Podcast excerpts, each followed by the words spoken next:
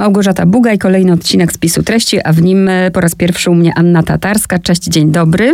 Dzień dobry, cześć. Dziennikarka filmowa, kulturalna. W spisie treści w związku z książką Jak dziewczyna inspirujące historie kobiet, które żyją po swojemu, wydawnictwo Znak pożarłam tę książkę, powiem kolokwialnie. Bardzo dobrze mi się to czytało. To dobrze, bardzo I się cieszę. Od razu, y, już mi odpowiedziałaś właściwie na to pytanie w swoim wstępie.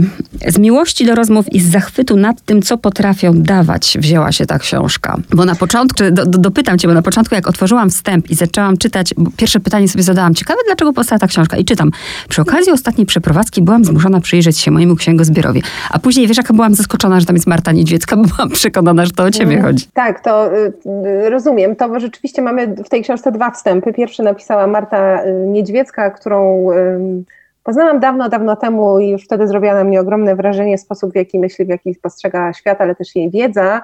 E, dzisiaj no, Marta jest znaną ekspertką, podcasterką od, od spraw e, rozmaitych, mam wrażenie, ale gdzieś tam wciąż się porusza w tym, w tym rejonie mi bliskim właśnie jakiejś takiej kobiecości, też zmysłowości, seksualności, e, samostanowienia, więc bardzo chciałam, żeby Marta napisała wstęp i też cieszy mnie, że jej wstęp jest całkiem inny niż mój.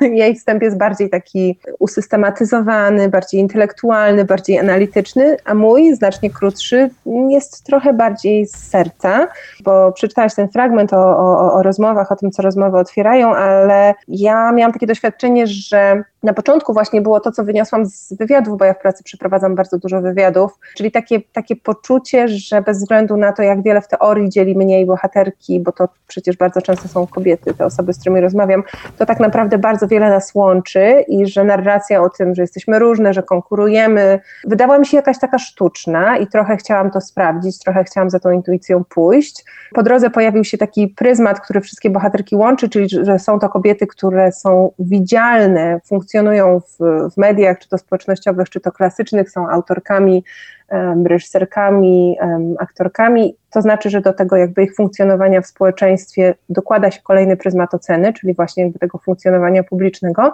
A wyszłam z tego doświadczenia z takim przekonaniem, że ta intuicja, która mnie zawiodła do tych spotkań, się tylko umocniła i że w pewnym sensie że, że tak, że zdecydowanie więcej nas łączy niż dzieli, że to jest takie doświadczenie dla mnie niesamowicie budujące i też mam nadzieję, e, że ta książka, chociaż osoby, które się w niej pojawiają, to są osoby jakoś tam znane, rozpoznawalne, ktoś powie celebrytki, chociaż nie lubię tego słowa, ono też jest takie jakieś, e, mam wrażenie, protekcjonalne i umniejszające, to że te punkty wspólne z bohaterkami ale też taką wrażliwość na szukanie punktów wspólnych z kobietami wokół nas. Znajdą czytelniczki, które teoretycznie e, na co dzień funkcjonują w całkiem innym świecie, bo y, też coś, na czym mi bardzo zależało, to jest to, żeby to była pozycja demokratyczna i dostępna. Nie taka książka typu akademickiego, po którą sięgamy, jak już jesteśmy gdzieś tam myślowo po w cudzysłowie właściwej stronie, jak już jesteśmy wyemancypowane, feministycznie uświadomione, już wiesz, umiemy y, obsługiwać język tak jak należy i, i, i, i nie wiem, skończyłyśmy gender studies, ale chciałam, żeby te rozmowy były otwarte też na osoby, które nie mają jeszcze narzędzi, ale mają w sobie jakąś taką ciekawość i chęć, żeby żeby tak burzyć te mury i obniżać te, te płotki między, między nami, a nie je umacniać. Już wspomniałaś o tym, bo powiedziałaś, że właśnie o to chodziło, żeby te bohaterki były bardzo różnorodne. Chciałabym, żebyśmy je przedstawiły i co mi od razu zaimponowało, wiesz, bo ja mam taką tendencję, że sobie lubię policzyć i mówię, o, 11, nie 10, nie? Taka potrzeba od razu, żeby coś było, jakieś takie i mówię, nieparzyste. Ciekawe, czy to było celowe, czy coś wypadło na końcu i o to też za chcę zapytać. No oczywiście, że wypadło.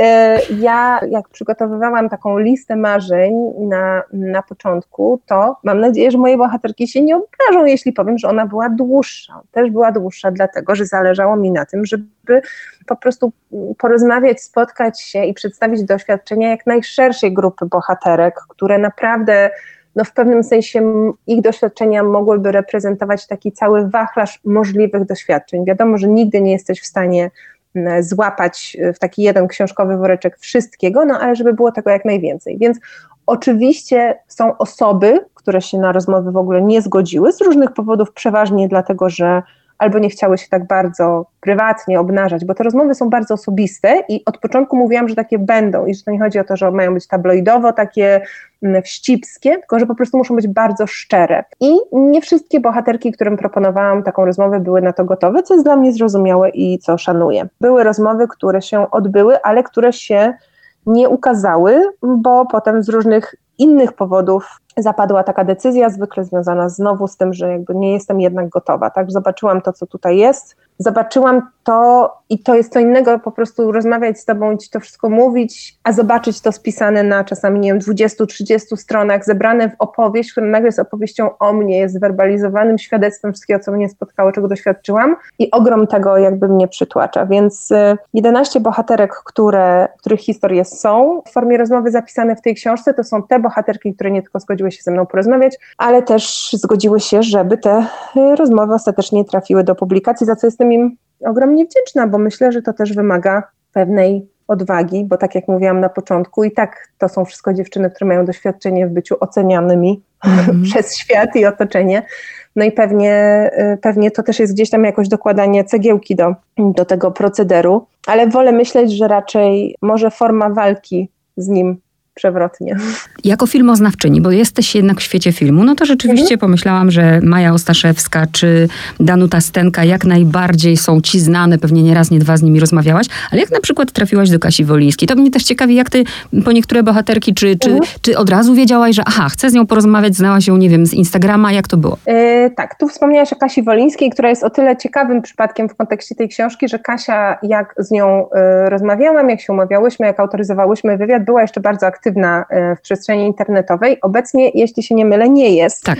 E, w międzyczasie podjęła decyzję, co też wydaje mi się symptomatyczne, żeby z Instagrama zniknąć. Prowadziła konto mm, na którym opowiadała o, o, o, swoim życiu, o swoim związku, o, o swoim życiu z chorobą, też o swoich psach asystujących i spotykała się niewiarygodną ilością e, hejtu, o czym można przeczytać dokładniej w naszym e, wywiadzie, od insynuacji, że jako osoba mierząca się między innymi z nowotworem i jeżdżąca na wózku nie jest w stanie seksualnie zaspokoić swojego męża i że na pewno on jest z nią z jakichś nieszczerych powodów i jakieś fanki w cudzysłowie piszące do niego, żeby on się z nimi umówił, to one mu pokażą, jak to, jak to jest. Przez ciągłe kwestionowanie y, no, jakby prawdziwości, y, nie wiem, jej choroby, tak, jakichś zbiórek y, na, na jej część, które, które się gdzieś tam e, w międzyczasie pojawiały. Ja po prostu ją obserwowałam w sieci i, i stąd, stąd wziął się pomysł na nią. Rzeczywiście, no część z tych bohaterek to są takie, można powiedzieć, z mojego środowiska, tak jak, tak jak wspomniałaś, aktorki czy, czy reżyserki, więc trochę wiedziałam, że one będą miały po prostu ciekawe historie różne ale też zależało mi właśnie na tym, żeby się w tym zestawieniu znalazły na przykład autorki, tak jak Sylwia Hutnik, mm, czy dziennikarki, tak jak y, Magda Mołek, bo tutaj z kolei, i znowu nie mówię, że inne bohaterki tego nie mają, ale one na pewno w szczególności taki jakiś poziom myślenia też analitycznego, trochę bardziej syntetycznego, tak, bo to też jest część z kolei warsztatu ich, ich pracy, taka taka zdolność do postrzegania mm, rzeczy szerzej, e, nadawania im kontekstu i do jakiegoś wpisania swojego jednostkowego doświadczenia właśnie w ten szerszy kontekst. No ale też zależało mi, żeby posłuchać głosu dziewczyn, które mm, mówiąc bardzo skrótowo i upraszczająco, nie wpisują się w jakiś tam taki, no też głównie heteronormatywny schemat kobiecości, a jednocześnie jakby bezkompromisowo funkcjonują w przestrzeni e, publicznej, nie boją się mówić, ok, może nie do końca pasuje do tego, jak ty sobie wyobrażasz, prawda, jak powinna funkcjonować, działać, wyglądać kobieta, ale no, mam to w czterech literach, bo ja żyję na swoich zasadach i będę żyć na swoich zasadach i jest mi z tym dobrze. I myślę, że to w pewnym sensie można odnieść do wszystkich moich pozostałych bohaterek, które przy okazji jeszcze bardzo często są aktywistkami. To właściwie chyba się nadawałoby w odniesieniu do wszystkich. No. Janina Bąk, Maja Heban, Martyna Kaczmarek, Ola Petrus. No one wszystkie w jakiś sposób, myślę, też, też są właśnie aktywistkami. O, dzień dobry, piesek w tle. Suczka? Nie wiem, ile będziesz czekał właśnie, teraz zobaczymy. No. Nie wspiera moich feministycznych tutaj. Kolejna rzecz, wiesz, co, to co mnie w tej książce tak w tych wywiadach zastanowiło, y, Marta Niedźwiecka w swoim wstępie zaznacza, że kobietami się nie rodzimy, kobietami się stajemy i to jest projekt, który trwa całe życie. I wiesz, kiedy czytałam wywiady z, dziewczy z dziewczynami, z kobietami z mojego pokolenia, te, które urodziły się w latach 70., jak Sylwia Hutnik, jak e, Maja Ostaszewska, jak e, Magda Mołek, to bardzo wyraźnie poczułam jednak różnicę, że one musiały wypracować pewne rzeczy. Mhm. One nawet zaznaczają, prawda, nawet w tych podziałach, w, w, roli w domu, że one tam na przykład po 30 miały taki przełom, że musiały, nie wiem, upaść na tę gębę, żeby zobaczyć, że już same nie dają rady i, i dzielić te obowiązki. A kiedy czytam na przykład wywiad z Olą Petrus, która jest już młodsza, ja mam wrażenie, że ona jakby tę taką mm, asertywność już ma. Nie wiem, nie wiem, czy to słuszne, czy niesłuszne, czy, czy że to uzależniam od pokolenia, ale gdzieś, wiesz, coś takiego wybiło. Myślę, że coś jest w tym spostrzeżeniu, chociaż akurat y, też mam nadzieję, że Oli nie postarzam, ale Ola jest jakoś tak mniej więcej w moim wieku. Ja jestem z kolei y, po połowa lat 80., więc nie wiem, czy w jej przypadku było to, że tak powiem, dane przez los, czy bardziej jest to dziwna kombinacja jakby wsparcia rodziców, co w moim przypadku na przykład byłoby bardzo pra prawdziwe, tak, sytuacji domowej, tego jak jesteś wychowywana, ale też tego, że po prostu bardzo szybko gdzieś w życiu z różnych powodów decydujesz się właśnie ten głos zabierać, zabierać go głośno i zabierać go bez, bez jakiegoś lęku. Mamy tutaj bohaterki mm, od 26 do 88 lat chyba, chociaż wydaje mi się, że, bo najmłodsza jest Martyna Kaczmarek, ale nie, Martyna ma teraz 28, a Helena Norowicz najstarsza 88. I y, tak, rzeczywiście te podziały pokoleniowe są, są widoczne, no to wynika bezpośrednio z kształtu społeczeństwa, powiedzmy w tym kluczowym momencie formowania się i wychodzenia z takiego z dziewczyństwa gdzieś tam w, w kobiecość, ze standardów, jakie obowiązywały właśnie w odniesieniu do sytuacji domowej, mm, do tego, kto, kto zarabiał, jaki był rynek pracy, prawda, dostępny dla kobiet i mężczyzn ale mam wrażenie, że to, co te bohaterki łączy właśnie, to jest potrzeba, potrzeba samodzielności i potrzeba nauczenia się zabierania głosu dla siebie w swojej sprawie szczerze. I najciekawsze jest to właśnie, jak się do tego dochodzi, tak? Czasami bardzo różnie. I też chciałam dodać, że właśnie nie wszystkie bohaterki, na przykład moje, co mnie osobiście bardzo cieszy, nazwałabym takimi wiesz, wojującymi feministkami. Dla, dodam, że dla mnie jakby to określenie nie ma w nic pejoratywnego, tak, to jest wojująca feministka, no to jest jakby aktywnie zabierająca głos, działająca w sprawie kobieta, która uważa, że równość nie jest głupim pomysłem, tylko wręcz przeciwnie, ja sama bym siebie tak określiła, chociaż pewnie wiele osób uważa, że to właśnie jest jakieś takie ostre i nieprzyjemne, ale chodzi mi o to, że nie wszystkie te bohaterki są taką, nie wiem, statystyczną czytelniczką wysokich obcasów. Kasia Wolińska, jak do niej napisałam, e, że mam okładkę i pokazałam jej okładkę, pierwszy projekt, to na przykład zapytała, czy mogą być tam też jakieś takie dziewczyny właśnie bardziej klasycznie kobiece. W sensie miała takie poczucie, że bohaterki, które na okładce y, autorstwa Oli Szmidy poprzedniej wersji były, no że wszystkie właśnie były takie, takie jakieś mocne, tak? I ona na przykład chciała tam kogoś bardziej takiego wiot, wiotkiego. Bardzo się różnią od siebie te, te moje bohaterki, a jednak w tej potrzebie zabierania głosu w swojej sprawie i mówienia głośno o swoich potrzebach w różnych językach i w różnych momentach życia gdzieś się e, spotykają i to też było dla mnie bardzo ciekawe. Powiedziałaś, że ten dom, właśnie to, co wynosimy z domu, dla mnie takim ewenementem i mówię to wprost, była Helena Norowicz, bo patrząc na właśnie jej pokolenie i na to, jak kobiety, e, czy znam zresztą te kobiety, babcie dzisiaj można powiedzieć mm. i to, jakie podejście do życia prezentuje Norowicz, to dla mnie to jest ewenement na skalę światową. No ja w ogóle myślę, że Helena Norowicz jest na swój sposób ewenement komplementem, mam nadzieję, że pod warunkiem, że uznamy to za komplement. Tak, Helena tak. ma 88 lat, skończyła, e, miała urodziny w listopadzie ubiegłego roku. Pamiętam, 14, 17 i, i że już nie robiła afery o datę w dowodzie. Niedawno miałyśmy sesję wizerunkową do, do książki, na której spotkało się kilka bohaterek, właśnie wśród nich Helena. No i nie muszę dodawać, że Helena jest wciąż jedyną spośród nas, a wszystkie jesteśmy od niej znacznie młodsze, która potrafi zrobić szpagat. No akurat y, jakaś taka dbałość o sprawność, ale też chyba sprawność rozumianą jako forma sprawczości e, ciała, zawsze była dla niej, e, dla niej bardzo, bardzo ważna.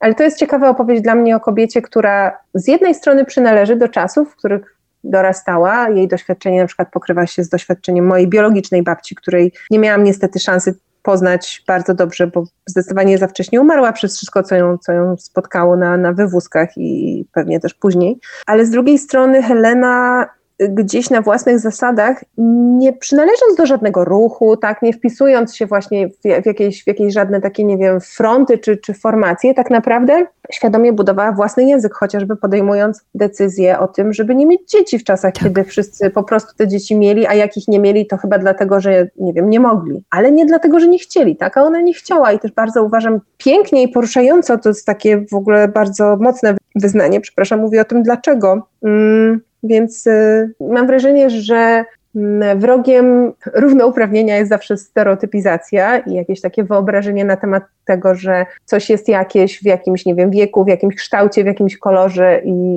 i, i koniec, tak, że to, że, że to nas różni, ale też ten głos Heleny jest dla mnie bardzo ważny, bo bardzo lubię słuchać starszych od siebie doświadczonych, mądrych kobiet, a mam wrażenie, że one są często w naszym, w Polsce na pewno powiedziałabym, społeczeństwie przezroczyste, no ale nie tylko w Polsce, takie te standardy podwójne są bardzo widoczne. Przypomnijmy sobie chociażby poprzednie wybory prezydenckie w Stanach Zjednoczonych i niesamowicie podwójne standardy w traktowaniu kandydatki prezydenckiej Hillary Clinton, a kandydata prezydenckiego Donalda Trumpa, tak, wypominanie jej, że jest nie wiem, stara i chora, tak jakby kobiety się starzeją wcześniej, wcześniej przestają być dla tego naszego społecznego systemu użyteczne. Oczywiście ma to bezpośredni związek z płodnością, co jest też interesujące, bo teoretycznie przecież e, gdzieś tam ten problem, tak, czy to zagadnienie już dawno przez rozwój medycyny odsunęliśmy na, na bok i można byłoby powiedzieć, że to już nie decyduje tak o, o nas, ale jednak wciąż, zresztą jak spojrzymy w Polsce, to wciąż bardzo jest to w centrum tej debaty. Więc cieszę się,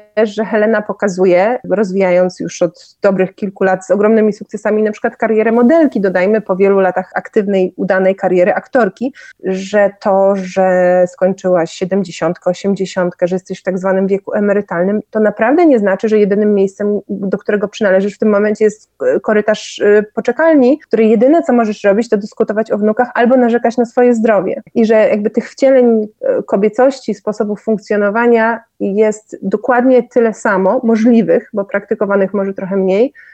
wtedy, co, co, co 40 lat wcześniej. No, dla mnie to było absolutnie wspaniałe. I nawet dotknęłaś takiego tematu, przy okazji może on wyszedł, ale na to zwróciłam uwagę, kiedy Helena mówi coś takiego, że ta jej siostrzenica, czy, czy nie pamiętam, mm. która ma dzisiaj 40 lat, mówi, ciocia tego nie zrobi, ciocia tego nie zrobi, że my, tych starych ludzi, bo no powiedzmy uczciwie, 88 lat, no to jest jakiś naprawdę konkretny wiek, że my próbujemy właśnie zrobić z nich dzieci, takich, którzy, nie wiem, już nie wiedzą, co robią, co czynią i my musimy im, prawda, się nimi zaopiekować. I tak mnie zezłościła ta, te, to sformułowanie właśnie ciocia tego nie zrobi i zaimponowała mi tu właśnie Helena. Ale też dodajmy, że, że, że ta dziewczyna robi to z troski tak, i z jak tak. najbardziej dobrych, dobrych intencji. I być może naprawdę chce dobrze, ja nie mam co do tego wątpliwości, ale mam wrażenie, że też bardzo często sami padamy trochę ofiarami jakiejś sytuacji, w której się znajdujemy, realiów, w których żyjemy, systemu właśnie spo, społeczeństwa. I pewne nawyki, które de facto są krzywdzące czy niewłaściwe, stają się dla nas przezroczyste takim nawykiem jest na przykład ta potrzeba oceniania innych, o której bardzo dużo w książce mówimy, bo ona jest jeszcze znacznie silniejsza w stosunku do kobiet ale też właśnie jakieś wyobrażenie na temat tego, jak się należy zachowywać w stosunku do ludzi ze względu na, na coś tam, chociażby wiek. To się zaczyna wcześniej, kiedy dzieci się nie traktuje poważnie i kiedy się zakłada, że one nie mogą mieć wartościowych pomysłów i że w ogóle dziecko to jest niewykształcony dorosły, a dorosły to jest dopiero ta forma, tak? Ale to się potem powtarza właśnie w pewnym wieku. Zaczyna się powtarzać w pewnym wieku, a przecież no, poza przypadkami, kiedy ktoś rzeczywiście ma jakieś, nie wiem, ma medyczną sytuację, która sprawia, że możemy wątpić jego, nie wiem, intelektualną sprawność, czy w możliwość zajęcia się sobą, to, to, to naprawdę nic, nic, nic się nie zmienia. No, faktem jest, że starsi ludzie są mocno gdzieś tam przesunięci poza nawias. Też nie chcemy na nich patrzeć, podejrzewam, bo nam to przypomina, że, że nas też to kiedyś spotka, i że, i że jakby nasze życie ma jakiś koniec, nie wiemy gdzie, ale że on jest pewny, to jest de facto jedyna rzecz, która jest pewna w naszym życiu przecież. No i z tej perspektywy przewrotnie Helena, myślę, jest takim antidotum właśnie, które tę, tę starość, która przecież się przydarzy i przyjdzie i oby przyszła, abyśmy jej doczekali, odczarowuje i pokazuje, że że można y, w niej funkcjonować na własnych zasadach. Mhm.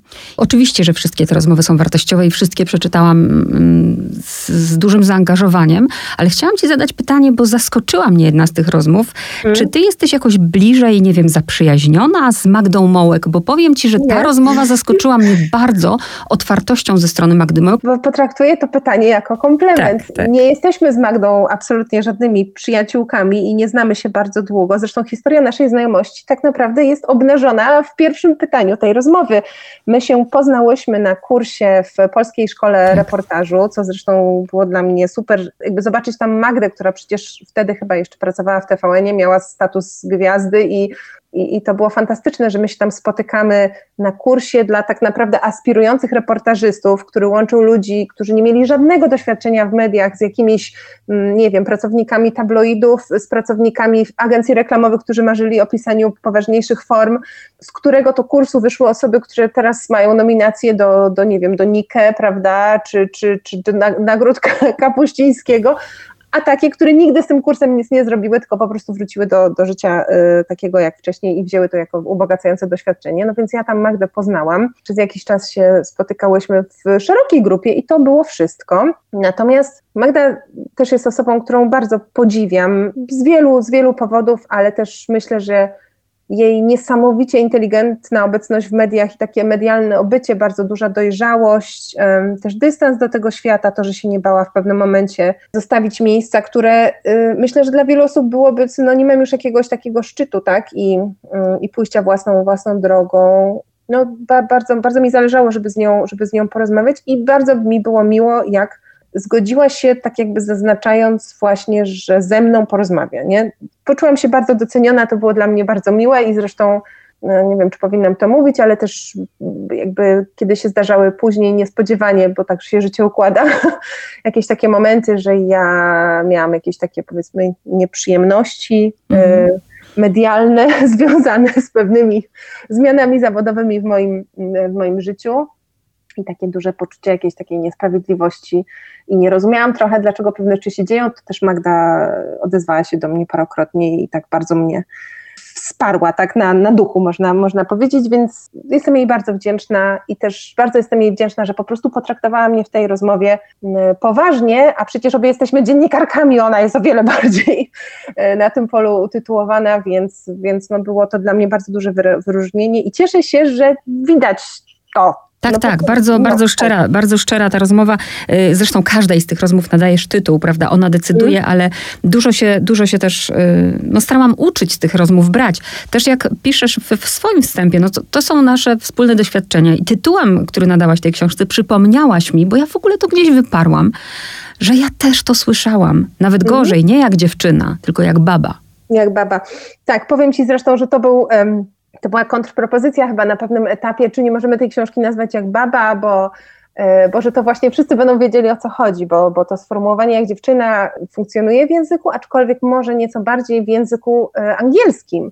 E, tak, że robić coś jak dziewczyna, like a girl, w sensie gorzej, tak, grać, grać, uprawiać sporty jak dziewczyna, ale też reagować jak dziewczyna w domyśle, mazgaić się i reagować emocjonalnie, prawda, te wszystkie straszne rzeczy, których mężczyźni e, rzekomo nie robią. Zresztą tym przekazem nierobienia tego myślę, że też wiele osób bardzo, bardzo skrzywdzono. Tak więc ten tytuł jest trochę taki przekorny, myślę, ale też no właśnie gdzieś, gdzieś wychodzi z takiej dużej niezgody, o czym ja też, też w tym wstępie piszę, że że jak dziewczyna ma znaczyć gorzej, słabiej, mniej, a ja nigdy nie rozumiałam dlaczego i no po prostu bardzo bym chciała, żeby było jasne, że tak nie jest. Ktoś może powiedzieć, że jest przesyt, że teraz e, rzeczywiście herstoria za herstorią.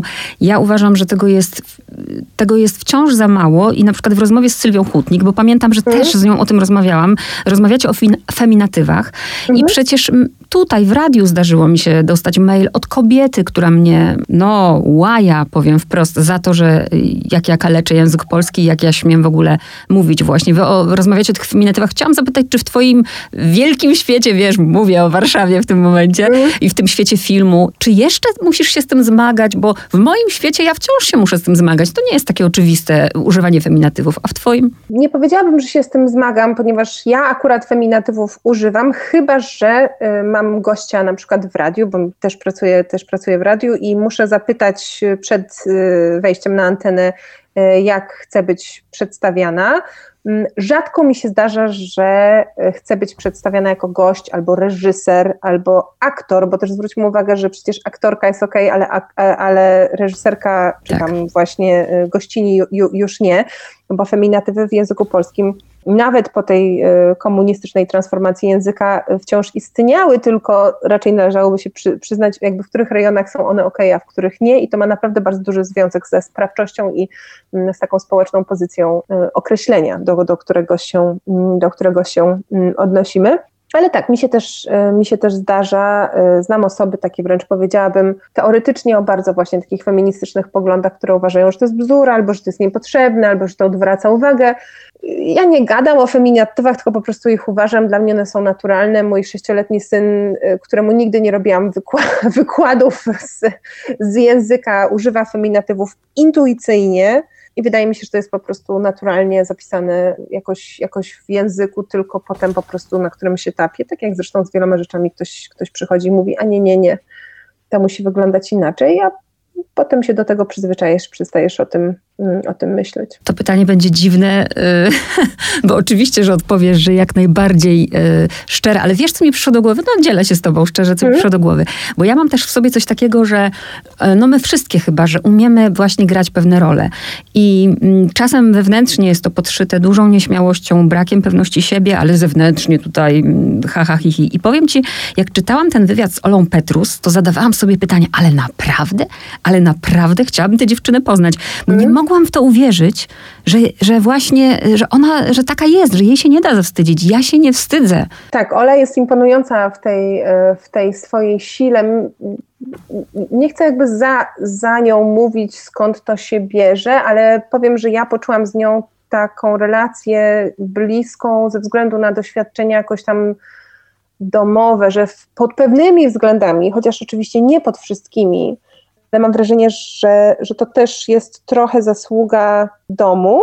Akurat na, na, na tym polu, bo Ola, przypomnijmy, jest niskorosłą komiczką, akurat na tym polu nigdy jej nie pozwolił myśleć, że coś jest z nią nie tak, tak? Więc jakby ja wielokrotnie w swoim życiu słyszałam, że jestem, nie wiem, bezczelna, kiedy wcale nie byłam bezczelna i chłopak by nigdy tego nie usłyszał, tylko właśnie śmiałam nie być e, skromna i, i nie wiem, i wycofana, więc tutaj też, też gdzieś tam w tej, w tej sile Olki, takiej jej bezpośredności gdzieś tam też też zobaczyłam coś, coś, co y, rozpoznaję, ale tak naprawdę należałoby zadać pytanie, dlaczego dla nas to jest takie zaskakujące, bo ty nie jesteś jedną osobą, która zwróciła na to uwagę i myślę, że to wynika w dużym stopniu z tego, że patrzymy na to i myśli, myślimy sobie, wow, ja bym tak nie potrafiła, nie? Albo no nawet, wiesz, ja nawet jej zazdroszczę, dlatego myślałam o tych pokoleniach, nawet jej zazdroszczę, bo hmm. pewnych rzeczy, no pewnych rzeczy to straszne, co powiem, bo niby wszystko da się wypracować, ale jednak nie do mm. końca, nie? No no oczywiście, że oczywiście, że tak. To znaczy też mm, zawsze jest pytanie o twoje zasoby, o to, na co masz siłę, jakie są twoje priorytety. No nie każdy może po prostu ze zwyczajnie prozaicznych powodów poświęcić tak dużo czasu, ile by potrzebował, czy chciał na pracę nad, nad sobą. Też u różnych osób te deficyty, czy miejsca jakby do wzmocnienia, do zalepienia są większe lub mniejsze.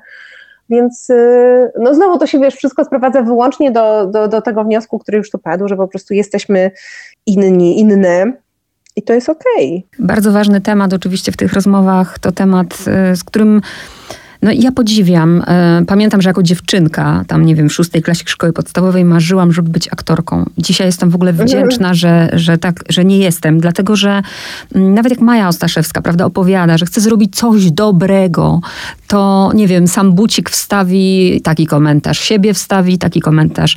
Za, za, załamana byłam tym, jak Kasia Wolińska mówi o tym, że większość jej hejterów to właśnie osoby niepełnosprawne.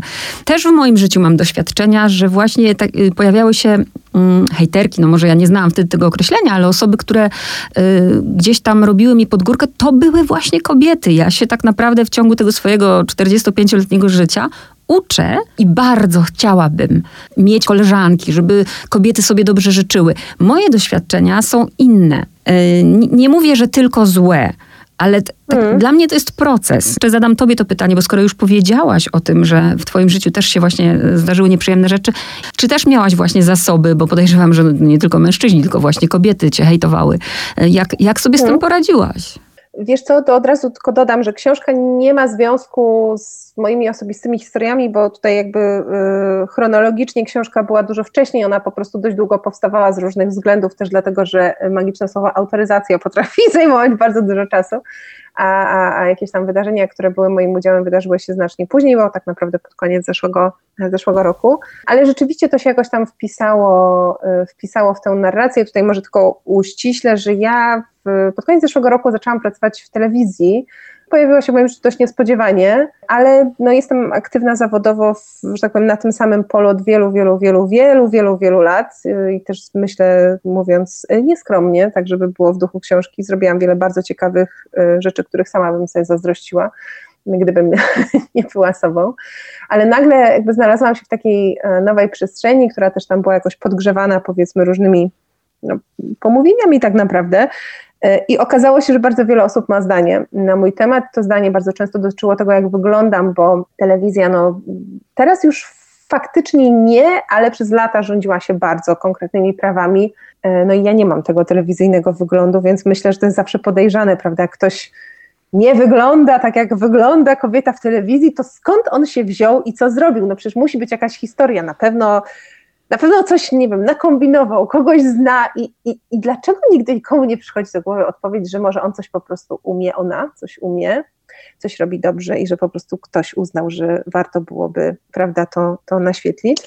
Dla mnie cała ta nieprzyjemna sytuacja, która na szczęście nie trwała bardzo długo, pokazywała mi też, pokazała mi też to, co o czym myślałam bardzo często podczas właśnie rozmów do książki, czyli że my jesteśmy wychowane w nurcie, w kulcie rywalizacji, tak. E, że dla kobiet jest znacznie mniej miejsca w przestrzeni zawodowej, gdzieś tam na, na szczycie, ale też w jakoś w przestrzeni medialnej, takiego miejsca, które się wiąże ze sprawczością, z potencjałem, z kompetencją, a nie z przestrzenią bycia ozdobnikiem.